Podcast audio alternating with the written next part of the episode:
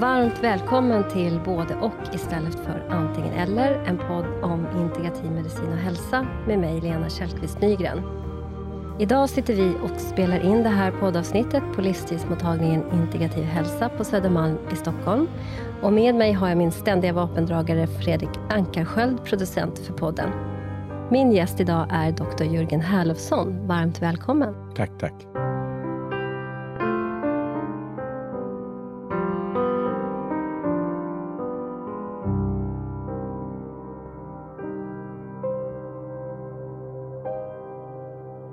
Jörgen, du är läkare, specialist i psykiatri, psykoterapeut och ansvarig utgivare av DSM på svenska. Diagnostic and Statistical Manual of Mental Disorders här i Sverige. Och du är också huvudredaktör för läroboken Psykiatri, studentlitteratur. Jörgen, jag går direkt på. Vad tänker du om integrativ medicin och hälsa? Ja, Ehm, jag vill ju relatera det till min egen ehm, kunskapsbakgrund och min egen inriktning. Jag är ju, som du sa alldeles nyss, då, läkare, psykiater och psykoterapeut och har eh, ett antal år bakom mig med jobb i offentlig psykiatri och diverse annat. Så det integrativa perspektivet för mig, det, det är ju eh, egentligen mötet mellan de mentala processerna, alltså själen, och eh, de kroppsliga processerna, kroppen. Eh, och att man på allvar ser hur de här två olika perspektiven eh, samspelar. Hur de påverkar varandra, hur eh, själsliga processer påverkar vår, våra kroppsliga funktioner och hur kroppsliga funktioner påverkar våra själsliga processer. Det här går i bägge riktningarna. Så skulle jag väl mm. uppfatta det integrativa perspektivet. Mm. Vad spännande, för det är ju så jag också tänker. Jag, jag, ehm, varför jag så gärna ville att du skulle komma hit och gästa vår podd är också utifrån att vi eh, har ju... Jag träffade dig i samband med att vi ordnade en depressionskonferens om um, utmattning, bland stress och utmattning. Och Då var du föreläsare och då lyssnade jag på din föreläsning om personcentrerad psykiatrisk vård Sen har ju vi eh, också jobbat en del tillsammans. Så att, eh, och du har ju en, ett intresse utav det här med personcentrerad psykiatrisk vård. Vill du utveckla det? Ja, först så ska jag bara säga att jag brukar säga personcentrerande som eh, eh ett verb istället för personcentrerad. Personcentrerad tolkar jag som att det är något som är klappat och klart. Nu är det här personcentrerat och så kan man definiera det. Men jag menar att personcentrering är en slags term på en, en arbetsprocess där eh, ja, jag då som yrkesperson eh, på allvar försöker bjuda in eh, patienten, klienten, till att bli en samarbetspartner. Eh, där det ska finnas fullt utrymme för den personens preferenser, värderingar, synpunkter, goda uppfattningar likaväl som missuppfattningar och sen pratar man om det. Så tänker jag kring det. Nu har jag tappat bort din fråga här, varför jag hoppade på din formulering. Vad var du fråga då? Jag hann inte till frågan. Okay, så var det ja, därför. okay. Ja, då får du en så, chans till. Då. Ja, då får jag en chans till. För det jag ville säga var att jag, jag eh, sympatiserar med det och tycker att det är väldigt intressant. För att för, i min värld så tänker jag att personcentrerande, för då förstår jag för det är ett annat djup i det än personcentrerat. Och vem är det som bestämmer att någonting är personcentrerat? Så jag, jag gillar verkligen den approachen. Eh, det, det, går, det gifter sig så väl med integrativ medicin. En personcentrerande vård. Eh, den, det integrativa, vår integrativa approach som vi säger står på fem ben, det vill säga traditionell hälso och sjukvård, eh, nutrition, fysisk aktivitet, ett integrativt synsätt på psykosoma och det existentiella perspektivet.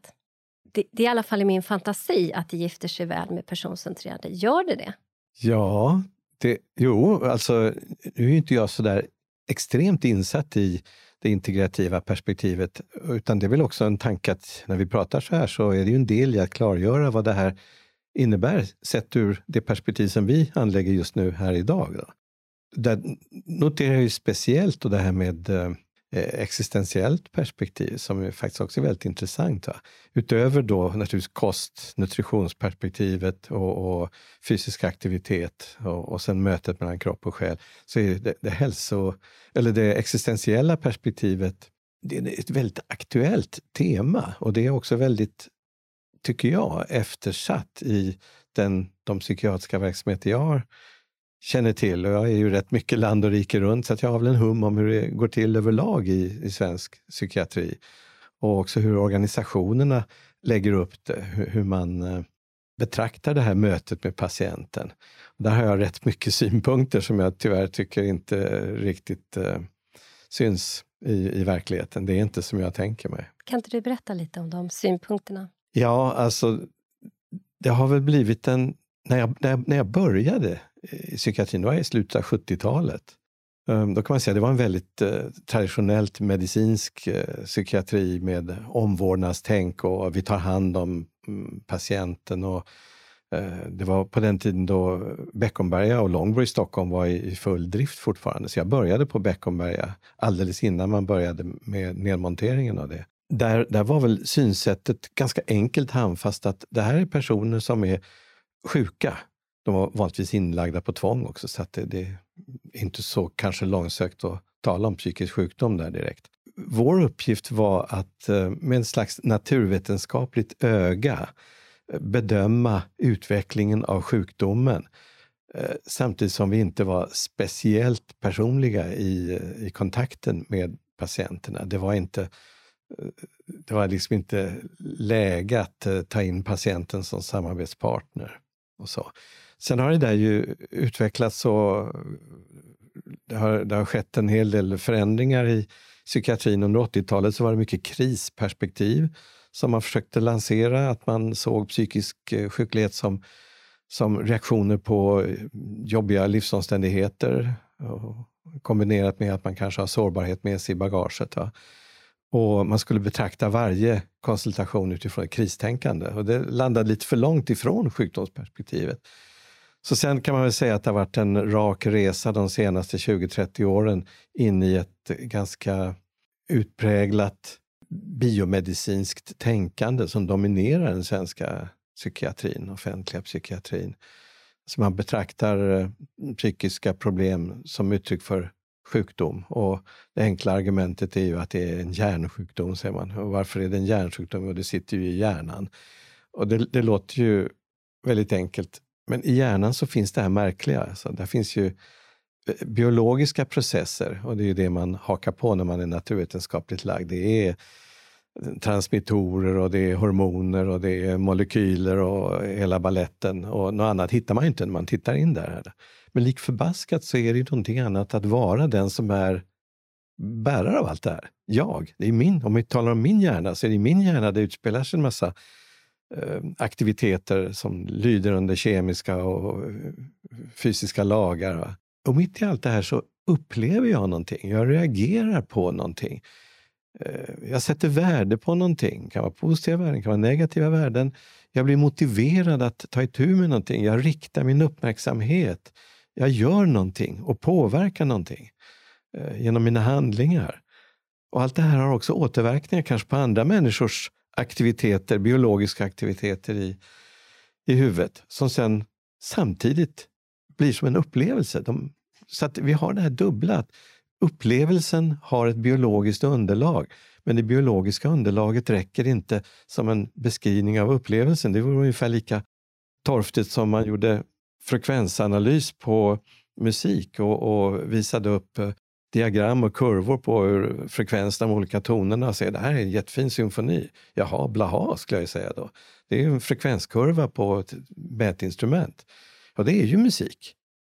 Men, men det, är inte upp, det är ingen musik som går att uppleva. Det är en avbildning av det. Och det är lite det där eh, skärningslinjen där som jag tycker det här med det integrativa perspektivet och det existentiella perspektivet kommer in. Mm. Gud, vilken fin symbolik med just med en orkester och hur det avbildar sig på en skärm. Mm. Eh, mot, den, det där säger ju otroligt mycket faktiskt utav vad som på något sätt pågår i vårt samhälle. När det gäller den här medicinska synen på psykisk ohälsa och som eh, tåls att diskuteras och diskuteras. Fast idag är det ju väldigt mycket att man sitter i, i varsin skyttegrav på något sätt. Det är svårt med att kunna prata tillsammans om och sitta i ytterligheter. Jag, jag tänker att eh, det kanske inte alltid främjar så mycket att hamna i en aktivistposition. Men det är väldigt lätt att göra det i Sverige. Därför att det är svårt att samtala om det som är som är svårt när man står på varsin sida. Och det är lite grann så idag. Det finns en beställning från folket tror jag mer om att förstå vår samtid och att det påverkar oss. All stress till exempel och så vidare. Eh, är jag ute och cyklar nu? Någonstans? Nej, du, du är inne på något extremt intressant kan jag tycka. Det här med, eh, måste man bli aktivist för att, eh, i, i någon extrem mening, för att överhuvudtaget kunna göra sin röst hörd om man inte sitter inne i något maktetablissemang. Och talar man med de som sitter inne i maktetablissemanget så beskriver de ju inte särskilt mycket handlingsfrihet utan de är ju satta där i, i någon slags eh, systemperspektiv och har att förvalta arbetsrättslig lagstiftning, eh, diverse byråkratiska principer, budgetplaner och politikernas vilja och allt det där.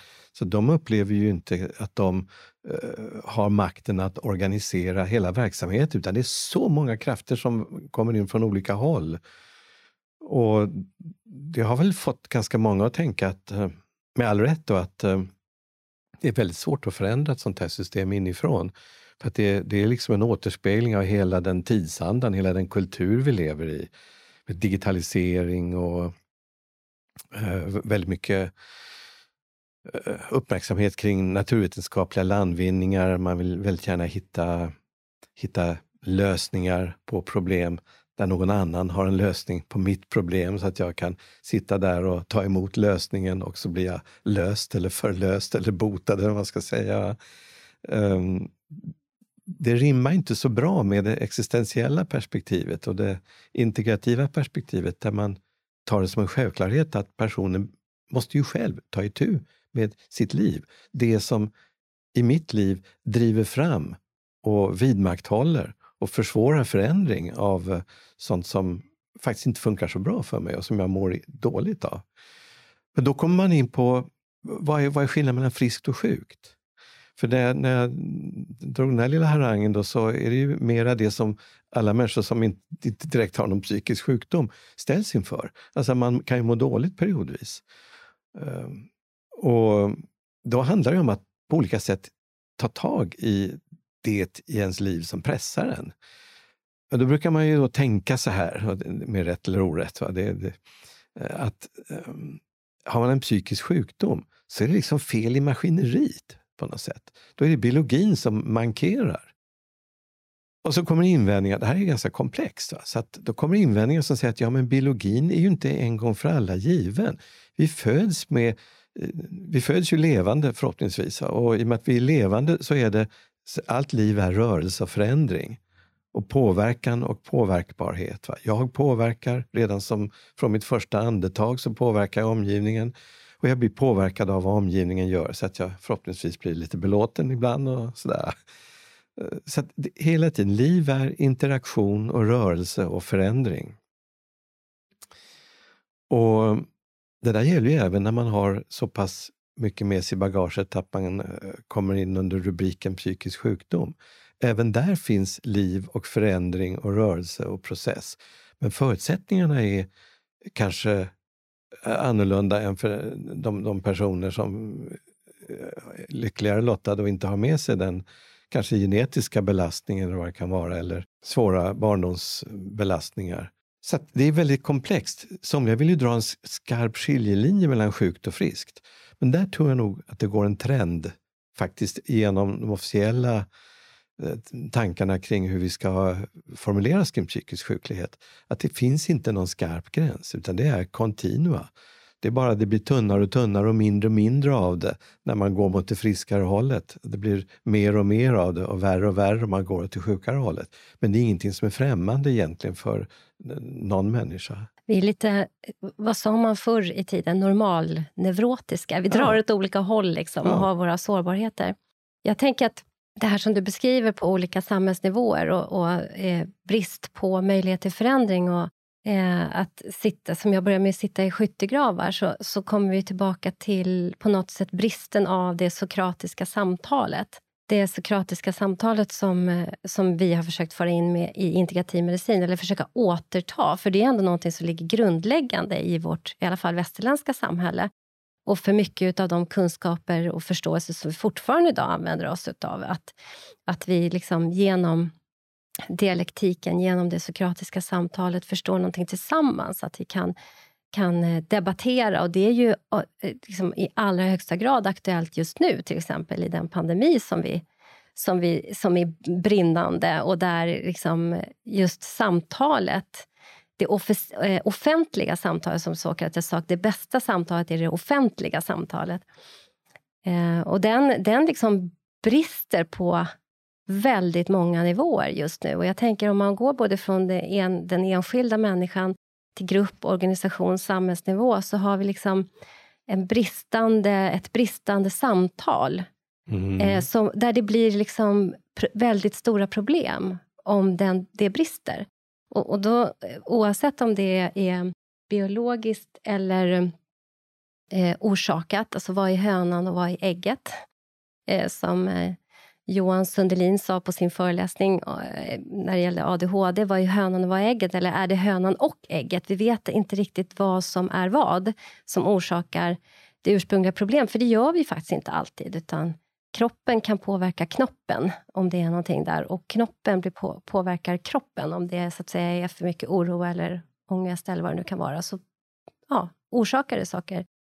Eh, det är ett bristande samtal i den enskilda och i, på, sen hela vägen ut till all, andra nivåer. Och vi har ju liksom en problematik i vårt samhälle idag där psykisk ohälsa skenar. Mm, får jag haka på där? Ja. Jag, jag tänker ju att eh, om ta det här med det, det sokratiska samtalet. Det ligger ju väldigt nära personcentrering som jag tänker. Alltså ett möte mellan människor där den ene inte självklart har den övergripande maktpositionen eller tar sig den positionen och där syftet inte är att snacka omkull den andra eller ändra den andres uppfattning utan syftet är att komplettera varandra och se vad som inträffar sen.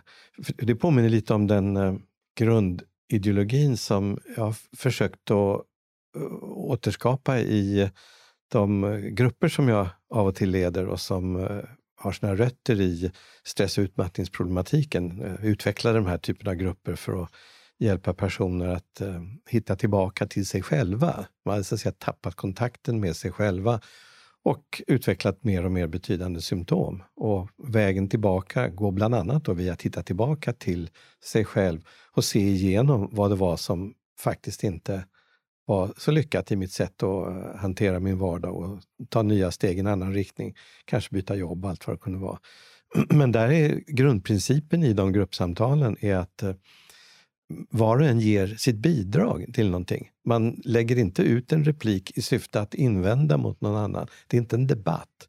Utan det är medan man sitter runt en lägereld och tänker till och ger sitt bidrag, sin syn på saken. Så här tänker jag kring det. Men man säger inte att den andra har fel, utan man säger bara att ja, så, här, så här ser jag på det, det här är mina erfarenheter. Och så, så småningom så blir det liksom en pott av erfarenheter. Och ur den potten växer nya idéer. Det är ett väldigt fredligt sätt att skapa tillväxt. Och väldigt mänskligt. Jag ja, det borde att... ju verkligen vara det, tycker ja. jag. Det här är så mot dagens media ideologi. För media vill ju ha en stolle i det ena diket som gapar på en annan stolle i det andra diket. Och om man nu raljerar lite så anser de media att på så sätt så klargör man problemen genom att man låter de motsatta uppfattningarna komma till tals. Och jag undrar alltid varför, varför kan man inte prata utifrån ett öppet synsätt där man lyssnar till varandra? Varför ska det vara det här demagogiska? Mm. Förstår något tredje tillsammans. Liksom. Mm. Och det sokratiska, det so sokratiska Sokrates samtalsregler var ju att man ska tala utifrån egen övertygelse och inte upprepa vad andra har sagt. Man får inte lägga fram motsägelsefulla argument. Om någon ber är man tvungen att tydligt definiera ord, uttryck och begrepp som används. Och sen har vi inom integrativ medicin lagt till två, då, och framförallt då för seminarier, ett sånt som du var med och, föreläste i, att vi, då att man får inte använda personangrepp för att ge tyngd åt sin egen övertygelse. Och man måste ha lyssnat och reflekterat över vad den andra sagt innan nästa fråga ställs. Och, och det händer ju inte då i den här mediala eh, världen där man då låter, man bara står och skriker på varandra. Frågan är hur nyttigt är det egentligen? Eller liksom färgas hela samhället eh, av, av det här istället, att vi står i olika... Jag tänker på psykis, inom psykiatrin. Ja, men några är för det biomedicinska och andra pratar om eh, det psykosociala. Ja, men, eh, och som Thomas Ljungberg då har försökt hålla fram eh, vad det gäller ADHD till exempel, men det är både och. Mm. Många gånger. Ibland naturligtvis det ena och det andra, men ofta är det både och. Och därav den här stress och sårbarhetsmodellen eh, som han pläderar för där, men som jag tror, det kanske du kan berätta, man har använt i andra sammanhang också, just inom psykiatri. Ja, låt mig fundera lite kring, kring det. Vi var inne på det här med det sokratiska. Och vi var inne på det olyckliga i att man låter folk från vardera diket kasta skit på varandra. Och då växte naturligtvis funderingen, vad, vad, vad är det vi tror skulle vara bättre då? Mm. Eh, då kan jag hoppa in på det här stickspåret att uh, det talas ju jättemycket om bemötande i vården. Jag studsar ju på det lite, för jag tycker att bemötande, man blir bemött när man kommer till receptionen i hotellet av någon person som är vänlig och kanske rolig eller säger någonting trevligt, och då är jag bemött av den personen. Men nog sjutton ska man väl ha lite högre ambitioner när man kommer till en vårdorganisation än att man ska bli bemött. Ja, verkligen. Då undrar man ju hur illa ställt är det om man verkligen driver sådana kampanjer. Eh, eller också har man helt enkelt missförstått ordet och menar att man har inte velat ta ordet möte i sin mun. Därför att möte betyder att man ger en en likställdhet åt patienten, klienten, då möts man som likställda parter, men med olika eh, ingång till mötet. Den ena har en ingång, patienten då, att någonting eh, är jobbigt och någonting eh, plågar dem och någonting har de inte klarat av på egen hand. Va? Och så sitter den andra yrkespersonen där och ska komma till det mötet med eh, yrkeskunskaper baserat på vetenskap men också på beprövad erfarenhet och eh, genomtänkta, reflekterade erfarenheter. Och så ska det här möta patientens eh, upplevelsevärld och preferenser. Ja. Alltså I min upplevelsevärld så är det saker som ligger närmare till hands för mig eh, och saker som ligger längre bort ifrån mig. Och, och tänker man då ifrån personcentrerande perspektivet så är ju Ja, det finns några hörnstenar där nämligen. Och det första är ju det man kallar narrativet, berättelsen. Man måste börja med att patienten levererar sin berättelse helt enkelt. Det första är ju att patienten beskriver vad är som är ärendet. Och utifrån det sen så skulle jag ju då som yrkesperson vilja ha en berättelse som inrymmer både livssituationen nu men också någonting om bakgrunden i livet, vad som kan ha bidragit till den här personens preferenser eller svårigheter, styrkor och svagheter och allt sånt där. Eh, det är berättelsen. Och i den berättelsen så är det ju då mitt jobb att försöka bjuda in till eh, ett partnerskap. Det är den andra hörnstenen, narrativet, berättelsen. Va? Eh, och den andra hörnstenen är partnerskapet.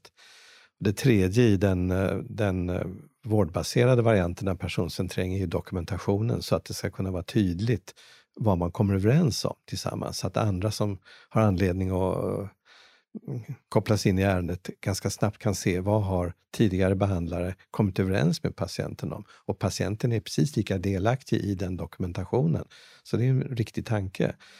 Men syftet med det mötet är ju att bereda plats åt en levande person med den, till skillnad från om man kör allting strikt manualbaserat så bygger ju alla manualer på någon slags genomsnitt. Manualer är utvecklade på utifrån grupper av personer som har delat samma problematik. Och när man gör en forskningsstudie så är det ju en av poängerna är att det ska vara att personerna ska dela problematiken, det vill säga man har diagnoskriterier. Och sen får de inte ha en massa andra problem som skulle kunna eh, krångla till bilden så att man tar bort de som, som har lite för mycket annat också. Man försöker renodla grupperna man är inte speciellt intresserad av den personliga livshistorien. Det är inte det, utan man är intresserad av eh, sjukdomen eller problematiken i fråga. Det är objektet. Och personen som individ är ointressant. Man vill inte veta någonting om personen som individ, utan de kommer med på basis av att de fyller vad man kallar inklusionskriterierna. Sen studerar man en, en modell som man har som en hypotes att det här borde kunna ger resultat. Man kanske jämför den med någon redan etablerad behandlingsmetod. Ibland jämför man psykoterapi med läkemedelsbehandling och eh, ser hur det faller ut. Va? Men det man då får fram det är ju ett slags genomsnitt på, om du säger att varje, varje grupp innehåller 50 deltagare, 50 deltagare på det ena och 50 deltagare på det andra. Då får man fram ett gruppgenomsnitt och så säger man att den här metoden är effektiv på den och den nivån. Men spridningen inom gruppen kan vara ganska stor. Och om man sen ska tillämpa det här ute i klinisk vardag så vet ju inte jag om den person jag har framför mig tillhör de som mest 50 procent som anses ha blivit hjälpta av metoden. Och hjälpt av metoden är vanligtvis att man, att man eh, har eh, typ eh, halverat symptomatologin på en viss tid. Det är inte detsamma som att man är fullständigt botad utan det är, man har sett framsteg vad det gäller symptomplågan.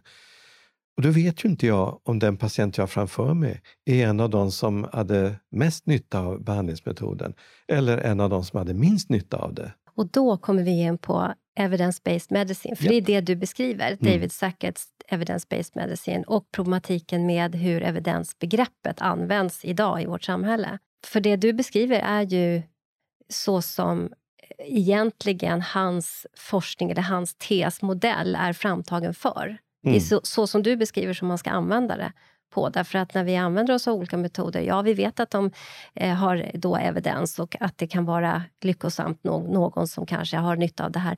Men det behövs ju en klinisk expertis för att kunna göra den bedömningen. Att jag tror utifrån min erfarenhet och kunskap om den här patienten att den här, det här kan vara fungerande för den.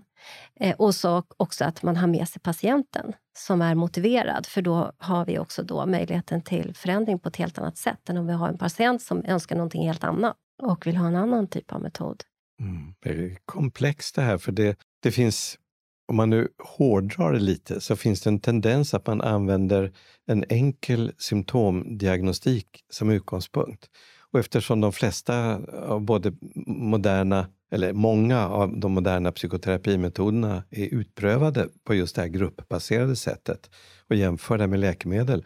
Och där diagnostiken bygger just på symptombilden och effektutvärderingen handlar om symptomreduktion. Då kan det vara frestande att ifrån symptomdiagnosen, paniksyndrom till exempel, gå direkt till någon lämplig behandlingsmanual alternativt något rekommenderat läkemedel. Och så kör man det. Då har man ju helt tappat kontexten, man har tappat personens levnadsbakgrund, man har tappat personens eh, subjektiva upplevelse av sin situation och vad de anser vara inblandat och meningsfullt. Och man tar alltså risken att man eh, skjuter snett eftersom man inte har gjort det arbete som behöver göras för att det ska bli ett verkligt partnerskap.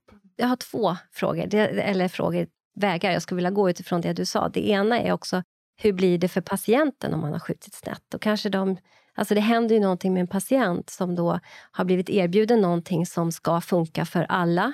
Och det funkar inte på mig.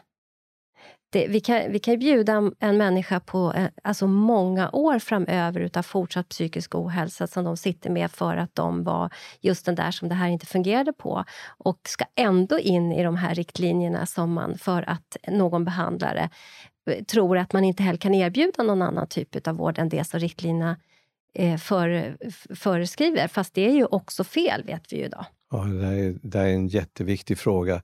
Det här med riktlinjer har ju formligen exploderat på senare år. Det, det skapas riktlinjer överallt. Det skapas lokala riktlinjer på klinikerna. Socialstyrelsen har riktlinjer.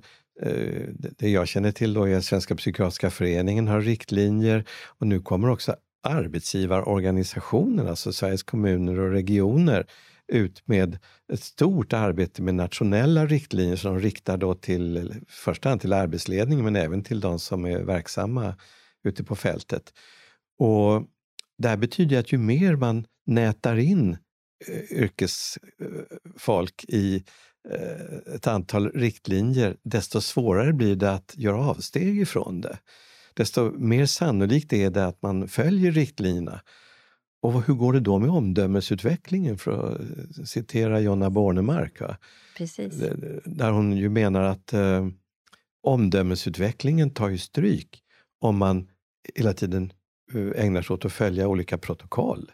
Då får jag inte ta ställning, inte reflektera, inte utforska någonting okänt, utan det bygger bara på att man identifierar det som redan är känt. Och det är en stagnation i det. Det kommer att stå helt still förr eller senare om man hårdrar det på det här mm. sättet.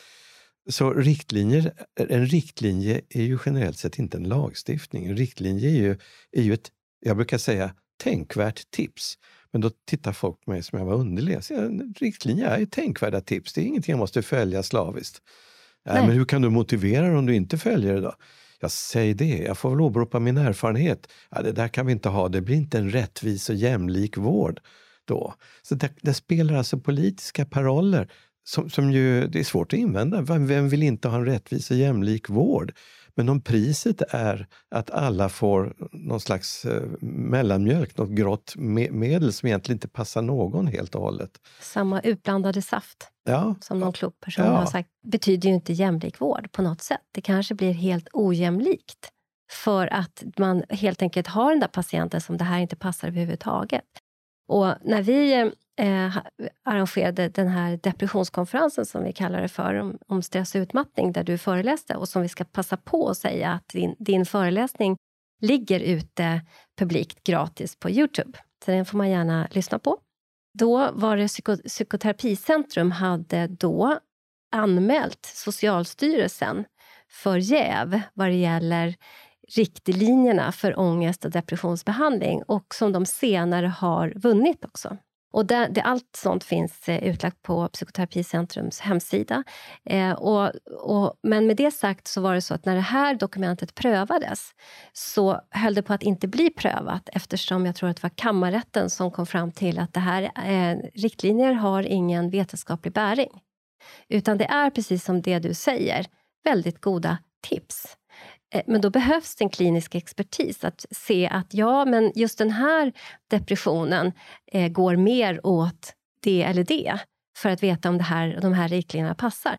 Och då hör det till saken att i den processen som Psykoterapicentrum utsatte Socialstyrelsen för här, så är det så att då, då eh, är det så att vi som legitimerade hälso och sjukvårdspersonal är skyldiga att hålla oss uppdaterade på just de områdena vi jobbar med hela tiden. Så att om vi då går med riktlinjerna och ger en föreskriven behandling och har gjort en felaktig bedömning så har vi gjort en, givit patienten felaktig behandling. Och då står vi till svars. Vi kan aldrig luta oss på riktlinjerna, utan vi måste alltid luta oss på den forskning som finns. Och det kan visa sig på något helt annat om vi säger att vi har en patient som gjort, där det finns en melankoli i eh, botten till exempel.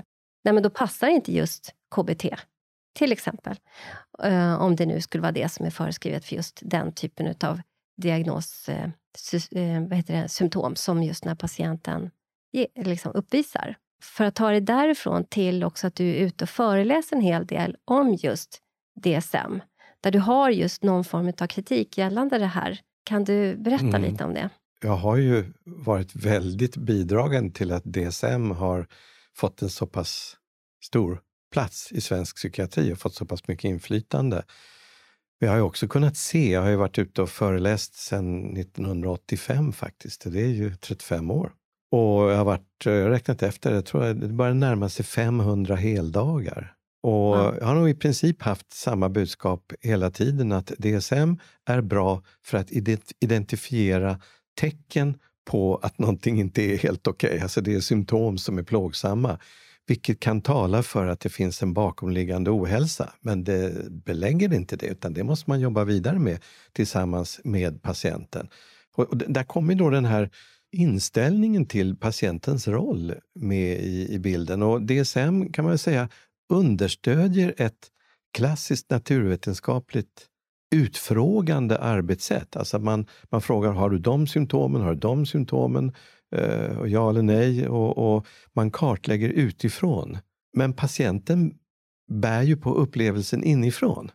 Och den upplevelsen består inte av en uppräkning av symptom, utan det består av mycket mer och har en en historik och har ringar på vattnet som, som gör att deras tillvaro är påverkad på ett sätt som man inte kommer åt om man bara talar om symptomen. Man måste ju prata med patienten. Hur är det här för dig? Vad betyder det här för begränsningar, inskränkningar och svårigheter i din vardag? Var känner du att du skulle vilja börja, om du ska börja och bygga upp en, en tillvaro som, eh, som, som är mer robust för din egen del? Vad är det du har kanske eftersatt under en längre tid och skulle behöva lyfta upp igen? Och då är det oftast såna enkla saker som eh, eh, hur man lever sin vardag. Jag är ju väldigt mycket inne för det här med hur man lever sin vardag. Alltså hur har du struktur på dygnet, hur är det med sömn och, och på det med kost och eh, nutrition och, och, motion. Det är standard i mitt sätt att prata med patienten. Och sen också det existentiella perspektivet. Vad är meningsfullt för dig? Vad betyder något? För om någonting betyder något så påverkar det ju motivation och motivation är ju tillit, tro och hopp. Och handen på hjärtat, vad är det vi lever av egentligen? Vi lever ju, och det kan man ju diskutera i och för sig, men de flesta av oss har ju någon slags känsla av att man ser fram emot någonting. Ja, det brukar man anse är gott. Sen finns det ju de som säger att jag lever bara i nuet. Jag ser inte fram emot något, jag bara upplever nuet hela tiden. Det låter i mina ögon en aning för tillspetsat. Alltså det, det är väldigt bra att kunna det, men man kan inte lägga hela sin fokusering på att gå runt och uppleva nuet, tänker jag. Man behöver också kunna planera och bygga upp visioner, eh, drömmar, förhoppningar och sånt. Och vad har det här med DSM att göra? DSM är befriat ifrån drömmar. DSM är ju bara symptombaserat. Och som jag brukar säga, då, den, den, DSM är ju egentligen bara ett sätt att identifiera att eh, det finns tecken på att något skulle kunna falla under rubriken psykisk sjuklighet. Så sen är man klar med det. Sen jobbar man vidare med resten av jobbet som ju handlar om hur man fördjupar bilden. Och, och om man då pressas in i det här riktlinjeöverflödet och jag säger det där kanske är riskabelt, ta riktlinjer som tänkvärda tips. Vad ska jag göra, vad ska jag göra dessutom då? Frågar naturligtvis någon. Då. Och då tror jag att det, den stora bristen som jag har sett med de senare åren, det är att man har mer eller mindre avskaffat det seriösa, respekterade kliniska reflekterande samtalet kollegor emellan. Det är någonting man får tjata sig till under en kaffepaus eller något sånt. I övrigt förväntas man klara sig själv med stöd av riktlinjerna. Det är det som gäller här hos oss. Man talar inte med varandra på det sätt som jag tror man behöver göra när det rör så pass svåra saker som vad som är meningsfullt i en persons liv. Man behöver fundera och reflektera och dela erfarenheter och frågeställningar och leva i ovisshet. Mm. Det här jobbet bygger på att vi vet inte, men vi gör vårt bästa för att tillsammans med patienten eh, formulera tänkvärda hypoteser och försöka att känna efter vad patienten är kapabel att ta itu med och sen utvärdera det tillsammans med patienten. Hur gick det här då? Hur funkade det? Är det någonting du kommit att fundera över där du skulle göra det här annorlunda? Att, att bjuda in till partnerskapet, det är, det är nyckeln för att kunna klara av ovissheten. Och den här paniken som folk har för att göra fel, det behöver inte vara lika stor panik om man bjuder in patienten till partnerskapet. Då är vi två om det här, vi tror på det här. Vi vet inte riktigt säkert, men vi har tagit fram det bästa underlaget som vi gemensamt är överens om, kanske via kompromisser. Låt oss testa det här. Och så definierar man vad som är tecken på framgång och vad som är tecken på att det inte går så bra. Och så löser man det när man ses nästa gång. Men det här bygger på kontinuitet och möjlighet att ses några gånger. Inte bara en gång i månaden som det kan vara för en läkare i den offentliga vården. Nej, precis. Och det du beskriver är ju just bristen på det sokratiska samtalet mm. mellan kollegor. Eh, och där eh, som, som utövare också, som, som behandlare, så kan vi tappa meningen med arbetet om vi hela tiden ska vara självförsörjande eh, i kunskap och förståelse och härbärgering och containing och förslag och behandling och så ska vi eh, liksom luta oss bara till eh, manualer. Det blir väldigt fattigt till slut. Och jag, jag, tänker att det, blir, det är något levande, ett levande system att också sitta med sina kollegor och ha de här eh, sokratisk, möjligheten till sokratiska samtal och mm. förstå någonting mer. Så att det, det, man går miste om väldigt mycket. Och Sen tänker jag också det som du beskriver så fint med patienten, att man bjuder in till ett partnerskap. Ja, men det är ju det vi människor liksom är väldigt duktiga på och som det kan bli så galet om vi inte får möjlighet till. Att om vi har, vi vet ju det att eh, psykisk ohälsa sam, har ett samröre med ensamhet till exempel i väldigt stor utsträckning att då, det kan vara en intervention i sig att låta en människa få vara del av en process istället för i en, en, liksom på något sätt en underdog-position av sin behandlare också. Utan att bli liksom inbjuden till ett partnerskap, att vi försöker förstå någonting tillsammans. Jag gör det också i mina, när jag bedriver terapier, att jag brukar kalla det för att vi samforskar kring den som är i i rummet och att vi verkligen gör det på alla plan. Och Det är väldigt motiverande för de livsförändringar som patienten faktiskt ofta behöver göra. Alltså det är en av de stora konstfelen i, inte bara i dagens psykiatri utan på många andra ställen, det är ju att man oavsiktligt skapar väldigt passiva vårdtagare. Bara terminologin är också rätt. Du ska få behandling. Man definierar vårdpersonalen som vårdgivare och patienten som vårdtagare. Det blir så fel. Redan, redan terminologin definierar helt olämpliga roller. Det, det finns ju inte så sällan som man hör folk säga att jag ska få kognitiv terapi.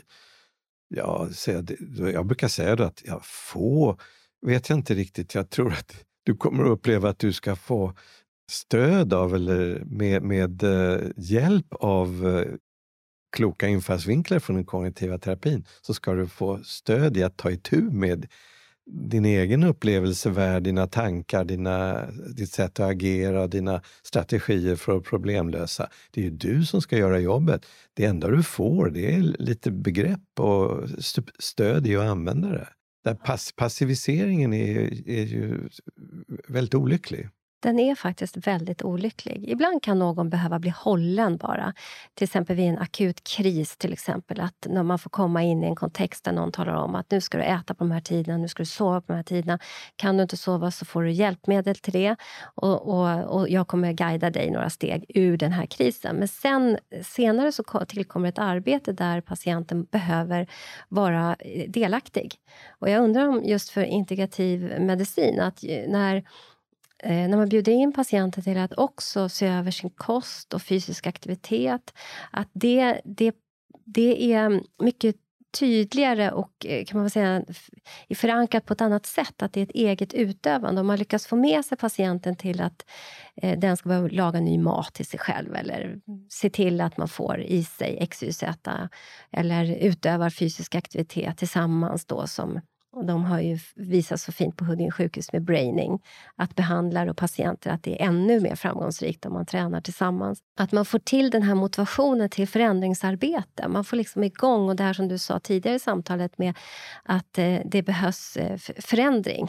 Att eh, livsprocesser är lika med liksom förändringsprocess eller rörelse, energi åt något håll. Liksom så.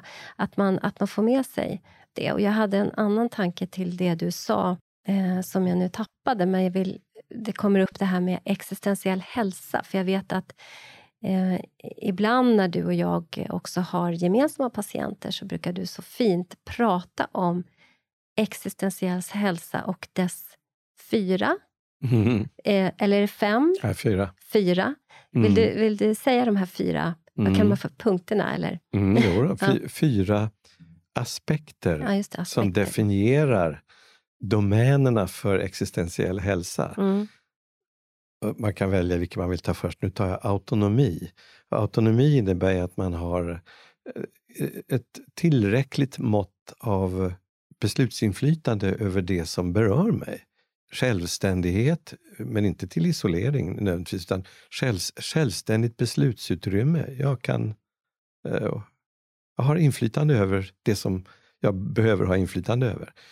Ehm, sen är det någon form av social tillhörighet. Människan är en social varelse och utan social tillhörighet så eh, mår man, mår man definitivt inte bra.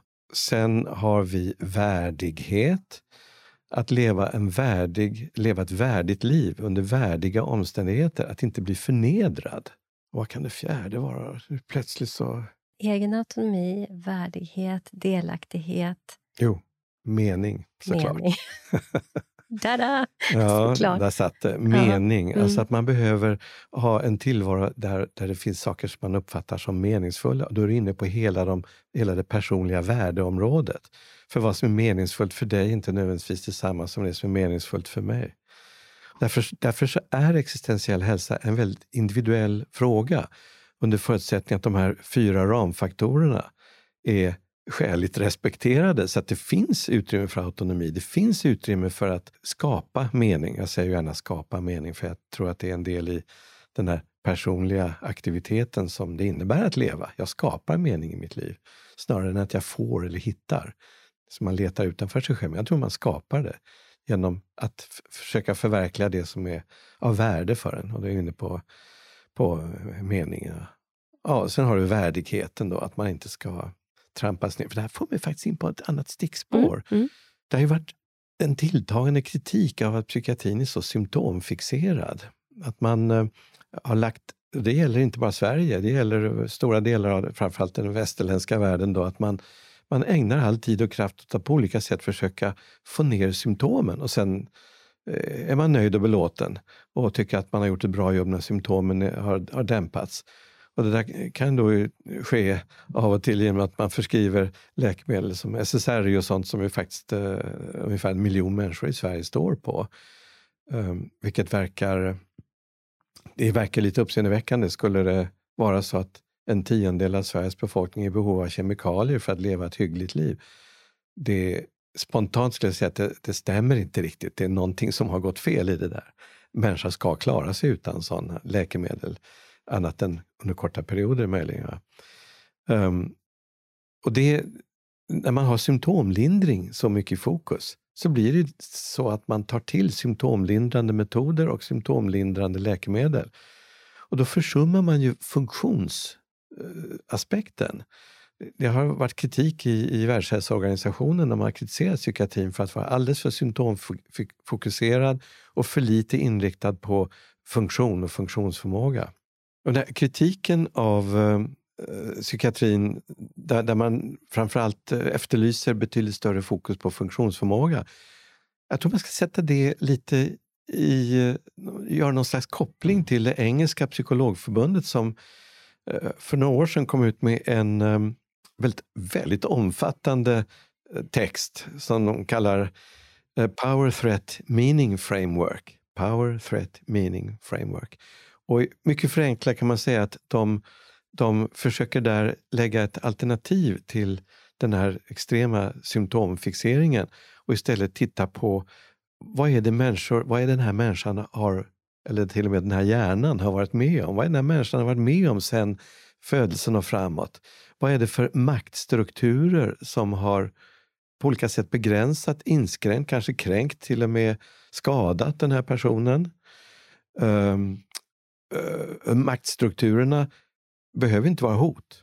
Men om det går därhän att maktstrukturerna eh, begränsar och skadar på ett absolut eh, destruktivt sätt så är det ju ett hot. Så det är power, threat och meaning. Vad blev det för mening? Va, va, va, hur uppfattade personen det här? Det kan vara till exempel att man har utsatts för eh, sånt som man diskuterar nu då, eh, rasistiska eh, bemötanden om man har någon form av annorlundaskap i, i, i vad nu är, hudfärg eller etnisk bakgrund eller någonting i en kultur där man tillhör en minoritetsgrupp.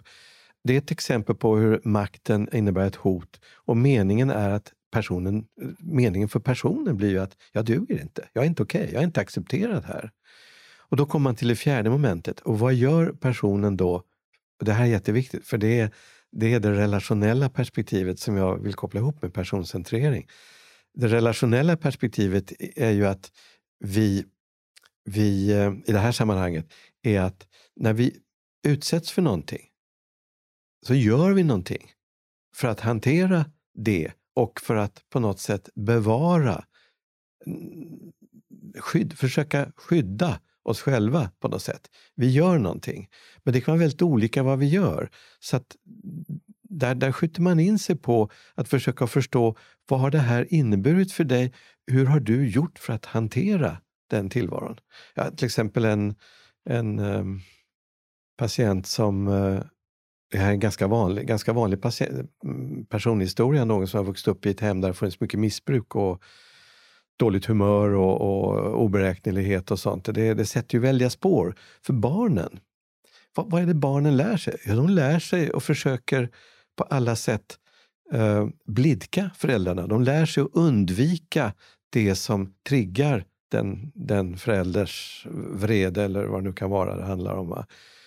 Och blir extremt observanta på omgivningen och i motsvarande grad får väldigt svårt att avläsa egna behov. Det som, det som är, det, de egna behoven är ju helt enkelt att skydda sig ifrån de här hoten. Och det löser man genom att vara till lags och slinka undan. Och sätta sig själv på undantag. Och hur det där går i vuxenvärlden kan man ju räkna ut. Det blir inte så bra. Det är väldigt mycket brister i, i sättet att tackla en, en tillvaro som inte är så illa eh, hopkommen som det var när, när personen växte upp i barn, barndomen. Och det är sånt som man är ute efter och då går man ganska långt i det här Power Threat Meaning Framework och beskriver att ganska många former av psykisk ohälsa kan förstås som en, säga en, en eh, mm, ska inte säga slutpunkt, för det tar ju aldrig en slutpunkt, men en del i en mycket lång process som börjar kanske allra tidigaste levnadsåren. Hur den processen formar en syn på världen, en sätt att hantera de här värsta hoten och en sätt att möta andra människor. Och också en sätt att se på sig själv mm. i det sammanhanget. Mm. Så det, där, det där gifter sig ju väldigt bra med anknytningsteorin. Ja, Ja, det, det, det, var det du tänkte komma till? Ja, det kan jag gärna komma till. Det är nämligen så att i det här frameworket så är det någon som heter Patricia Crittenden mm. som har gjort väldigt mycket arbete just inom anknytningsteori. De refererar till många instanser förstås, men särskilt till två personer. Dels Paul Gilbert som är psykolog och eh, har jobbat mycket inom kognitiva kretsar. Jag har varit och besökt honom, en väldigt trevlig man faktiskt. Han jobbar mycket med ett evolutionärt perspektiv. Han, också som är väldigt nära anknytningssystemen. Han tittar på eh, att människan är utrustad med ett utforskande system, alltså nyfikenheten, utforskande, man tänker på det lilla barnet.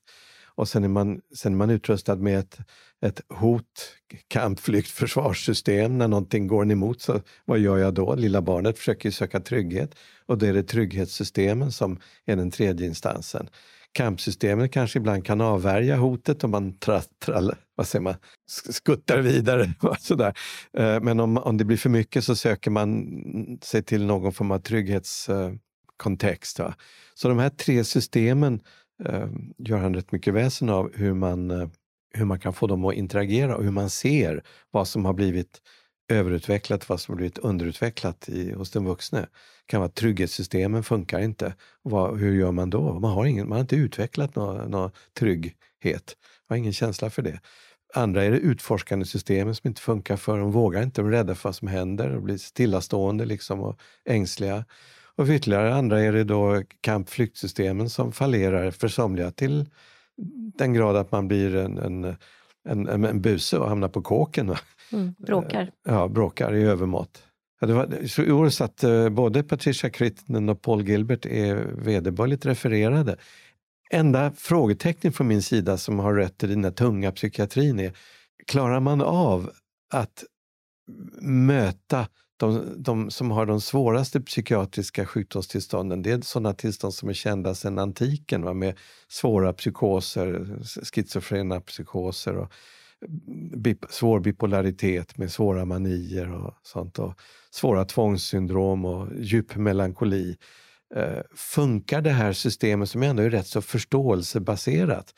Min erfarenhet är att när någon är alltför illa däran så är det inte riktigt pratbart. Man kommer inte åt att prata om det. Man behöver en, en period med rejäl avlastning. Det brukar man lösa med sjukhusvård i de sammanhangen. Och sen är det frågan om, om det, man kan behöva medikamenter för att tona ner den plåga som finns inbäddad. Men därefter, det, då är, tanken är att därefter så skulle man ju, om man fick önska sig, se någonting som bygger mer på en förståelse av livshistorien och, och, hur du har kommit på din resa till där du befinner dig idag och hur du kan komma vidare och försök, försöka få din tillvaro bättre och mer stabil framöver. Så det, det är inte så att det är motsatser, bara att det är var sak lite sin tid. Det behövs ett utrymme för eh, att betrakta någon som rejält sjuk, där det inte funkar med förståelsen. Men sen ska det inte vara det enda budet, utan sen kommer förståelsen. Ja. Och sen, eh, det, någonting som jag eh, tänker på är de här eh, som du säger, var sak har sin tid. Det är i process. Det är över ganska lång tid ibland innan sjukdom utvecklar sig av någonting vi har varit, oavsett om det är somatiskt eller, eller psykiatriskt. Eh, och, och, det har vi ju sett tillbaka i tiden. Vi har ju till exempel, nu tappar jag namnet, men han som skrev Tokfursten till exempel. Barbro, Barbro Sandins adept. Just det, just det mm. precis. Att, eh, Edgar Jonsson hette Edgar Jonsson. Att, mm. att, eh, vi kan ju se de här, att det kan behövas ganska, alltså olika interventioner eh, och ett, ett hållande av en annan människa. Att kunna göra någonting, en förståelseprocess tillsammans med en annan människa. Det här som vi har pratat om tidigare i samtalet. Att eh, och att man på, på, något sätt, man kanske inte kan göra precis just hans resa, men man kan göra det på olika sätt och, och på något sätt med en ödmjukhet för att ja, även om vi möter någon som just nu är illa, väldigt illa däran, så betyder inte det att att det kan ske utveckling, men det, men det tar tid. Och där tror jag att där vi är idag med det här bio, biomedicinska synsättet att vi ska först och helst kanske bara, nu drar jag lite på ytterkanten, men farmakologiskt behandla olika tillstånd. Att vi tappar bort det här. Psykoterapi eller psykoterapeuter lyser ju lite grann med sin frånvaro i ganska många organisationer. Eh, till exempel att, eh, att det är en bristvara på den förståelsen och den kommer ju också utifrån att väldigt många vill ha en quick fix. Mm. Vi vill mm. inte göra de där livsstilsförändringarna för vi tänker att det är så omfattande. Och Det på något sätt har att göra med någon social konstruktion i, vårt i, i, vårt, i vår samtid, och inte bara vår samtid, historiskt. Att vi, det, vi, ja, men vi har det bra där vi är. Det vet vi liksom, oavsett vilken nivå vi ska göra en förändring så är det alltid först ett motstånd i den enskilda, såsom i organisationer, familjer, grupper, ja, så är det först ett motstånd. Men sen när vi liksom har gjort den där förändringen, ja men då kommer på något sätt utvecklingen och vi kan plocka frukterna utav det. Jag hade en eh, av mina patienter som gjorde, jag jobbar ju med visuell terapimetod, eh, symboldrama, väldigt gärna. Och ehm, hon kom till en brinnande by som vi på olika sätt behövde ta oss igenom i, på visuell, nu bara kastar jag ut det, men en visuell psykoterapimetod så är patienten i ett avslappnat tillstånd och eh, bakom förslutna ögon så undersöker vi olika inre scener som vi kallar det för. Och I det här fallet så var det en så kallad affektbro där vi gick från hennes affekt och in i någonting och där kom hon in då till den här brinnande byn.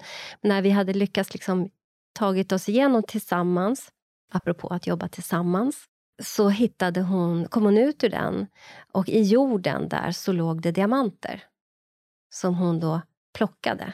Och Det där blev ju väldigt symboliskt, att vi behöver liksom ta oss igenom också de här processerna, livsprocesserna som kan vara väldigt tuffa och vi kanske inte vill och vi vågar inte och vi kanske måste byta jobb som du sa tidigare eller vi kanske behöver skilja oss eller vi kanske behöver göra någonting annat eh, eller gifta oss för att vi vågar inte. Alltså vi behöver gå igenom de där motstånden och ta oss in i den förändringen som vi kanske har motstånd mot för att utvecklas. För det är det levande system behöver. De behöver vi behöver utvecklas. Mm, jag tycker det är fint att du betonar just livsprocess som en slags möjlig ständig förändring och utveckling och där man i bästa mening kan uh, utvecklas mot någonting som man är mer tillfreds med. Och det är det man kan ha nytta av psykoterapi för att få hjälp till. Uh, att man, man ska inte se någonting som uh, låst forever. Nej. Utan det finns alltid utveckling, antingen i form av förändring av yttre verklighet eller i form av att man ändrar sin inställning till någonting eller man riktar sin uppmärksamhet i någon ny riktning och öppnar upp något nytt för sig själv. Så det, det finns alltid förändringsmöjlighet och utvecklingsmöjlighet. Mm. Som vi nästan alltid som människor behöver göra tillsammans med någon annan, mm. apropå ensamhet och psykisk ohälsa. Jag tycker att jag har sett det just i den här um, metoden som jag beskrev alldeles nyss. Vad är det som är så... För jag upplever många gånger att det är väldigt verksamt på vissa utgångslägen, inte alla, men vissa utgångslägen. Och då, då är det på något sätt undo the aloneness. som eh, psykoterapeut Erika Henriksson skrev i sin uppsats om symboldrama. Man gör någonting tillsammans. Och i symboldrama där är man liksom i den här brinnande byn ihop. I fantasi, i en dagdröm, men but still, vi utforskar någonting tillsammans och tar oss igenom någonting, förstår någonting. Och det är det som, vi, som du beskriver här, egentligen genom hela vårt samtal. Att, att, att man behöver som klinisk, den kliniken med sin expertis inbjuda till ett samarbete med patienten. Att vi, det är det vi behöver göra och det kanske är det som på något sätt vi har tappat, inte alla förstås, men många har tappat ut i den offentliga vården. Eller vad tror du? Jo, det tror jag verkligen. Och det, det, mm, man kan ju ställa sig frågan, varför tar det så emot att, föra en, att, att, att skapa möten och föra en likställd dialog? Ja, det, det finns ett ganska enkelt svar utifrån läkarperspektivet att man, eh, man, man, eh, man har väldigt svårt att tänka i andra banor än att ja, men de kommer ju till oss för att de har någonting som är sjukt och vi är utbildade för det här. Varför ska vi inte erbjuda det vi kan då och göra våra bedömningar?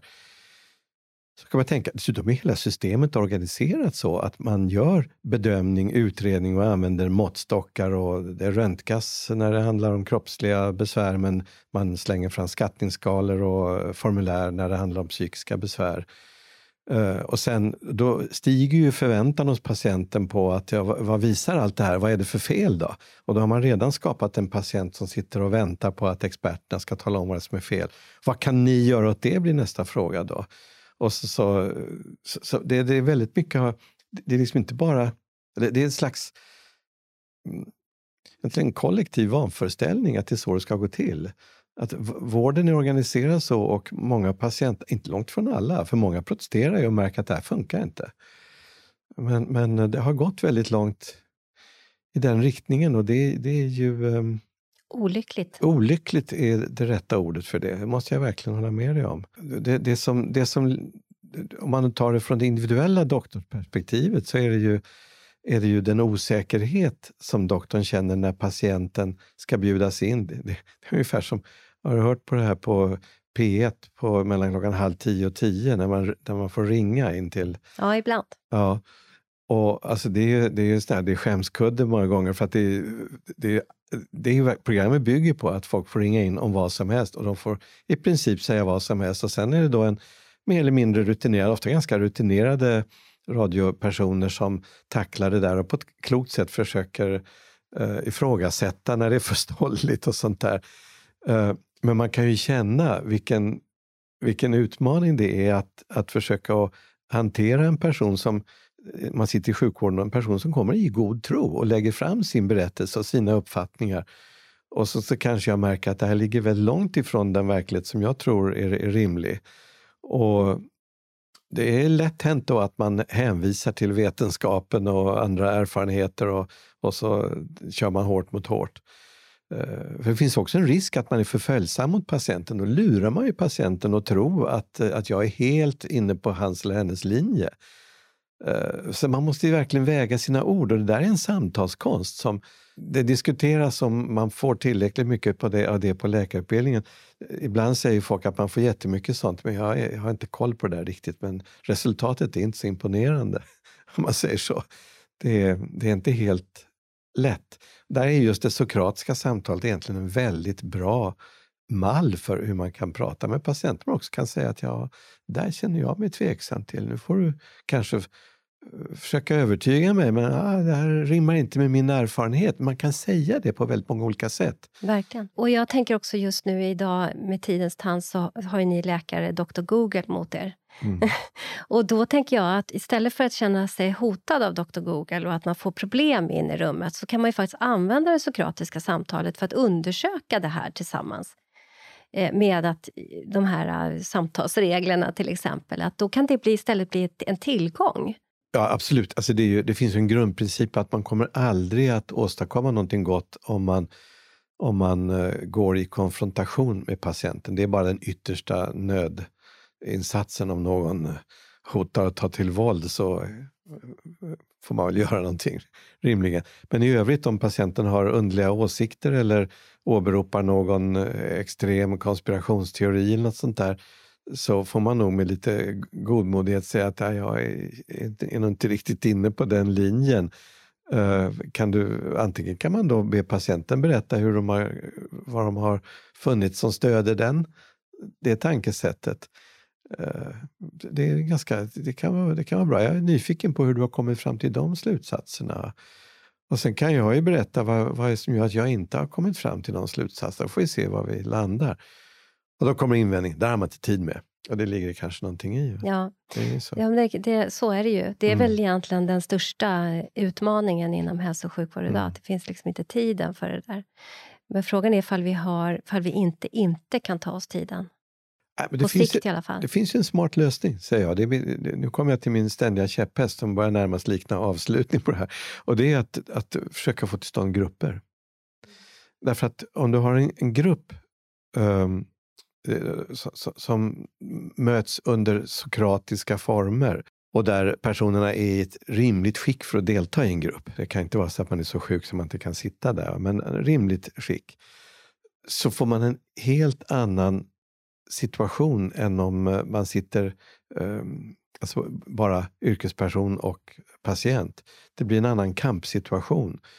Man får Eh, yrkespersonen som gruppleder får en helt annan roll i att försöka ha, hjälpa till med den här utforskande dialogen. Det är lite spelregler för en sån grupp förstås.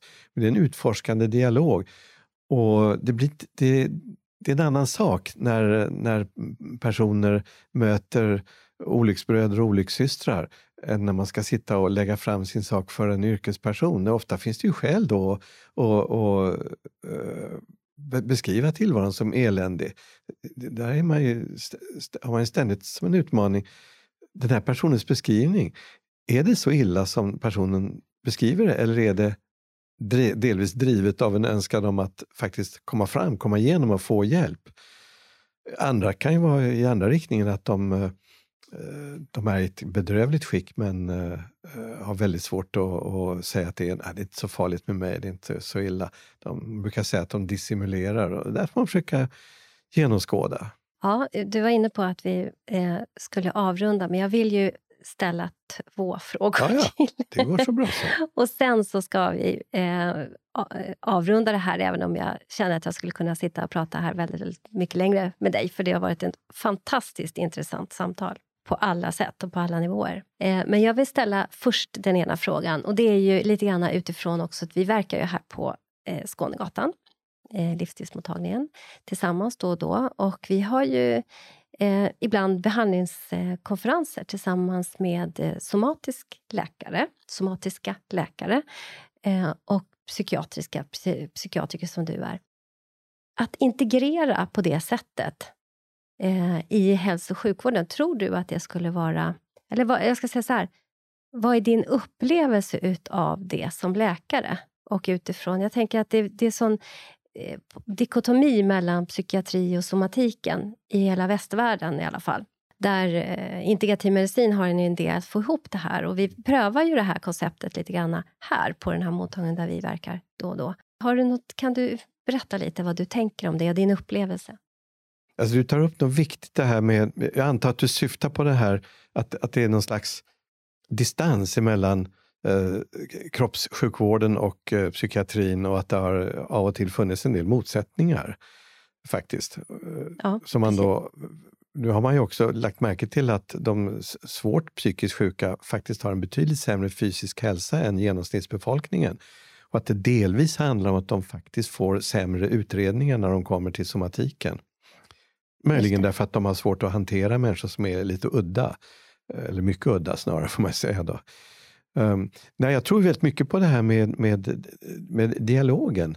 Det är dialogen över yrkesgränserna och mycket mer på det än det här förbaskade remitterandet av varandra. Som jag är så less på ibland, att, att folk tar sig tid att skriva en remiss skicka iväg en remiss så ska patienten kallas och så ska jag börja om från början och så ska jag skicka ett remissvar.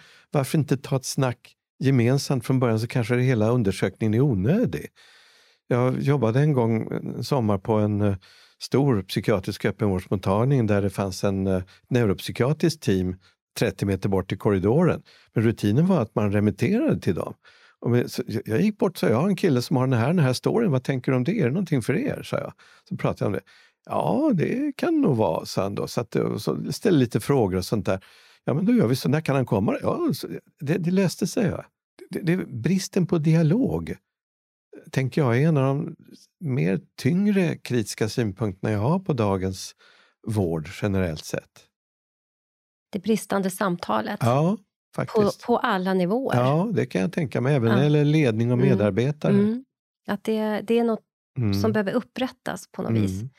Eh, och som kanske helt enkelt avspeglar sig också på folket, om man säger så, om man tittar på det mer högre upp i mm. samhällshierarkin. Och att det liksom är ett bristande dialog. Ja, men hur, hur ska vi liksom lära oss om vi inte får, på något vis? Och att vi tar det och naturligtvis från andra hållet också. Vad, vad sker det för dialoger kring frukostbordet till exempel? Hur tar vi det oss vidare och vad möter vi med det vi bär med oss från morgonen? Och eh, det, går att, det, det blir komplext. Men eh, ja, vad kul, för att jag eh, tycker ju också att de här där vi skapar ett sånt sammanhang, att eh, det är väldigt givande att sitta och eh, tran, eh, tvär, tvärprofessionellt mm. eh, diskutera. Och där vi, det här samtalet har vi pratat om nat naturvetenskapliga perspektivet och gått in på existentiell. Det är också det här, bara för att ta det som ett exempel, det tvärvetenskapliga. Att återta ett tvärvetenskapligt perspektiv på eh, allt egentligen. Det går inte att ha en, en, sån här, en, liksom en, ett par glasögon på sig, utan vi behöver kunna hantera det komplexa Alltså det, det, jag köper det till 100 procent. Det, det, det, är verkligen uh, jätteviktigt. Tvärvetenskapligt perspektiv. Det är så pass komplext. Annars hamnar man i det här som är en ständig fälla också i sjukvården, att man remitterar patienter med mera komplexa frågor till olika behandlingar eller olika specialiteter och var och en tittar med sina väldigt trånga glasögon på det och den stackars patienten genomgår en sjukdomskarriär som till rätt stor del skapad av vårdens bristande förmåga till ett tvärvetenskapligt perspektiv med patienten i centrum. Ja, så är det. Och det tänker jag var liksom den gamla tidens eh, läkekunskap. Mm. Att vi, eh, ni, jag är inte läkare, ni läkare hade liksom ett, ett, en, en läkekonst där man fick också tänka utifrån, prata, olika kontexter och förstå den enskilda patienten. Så...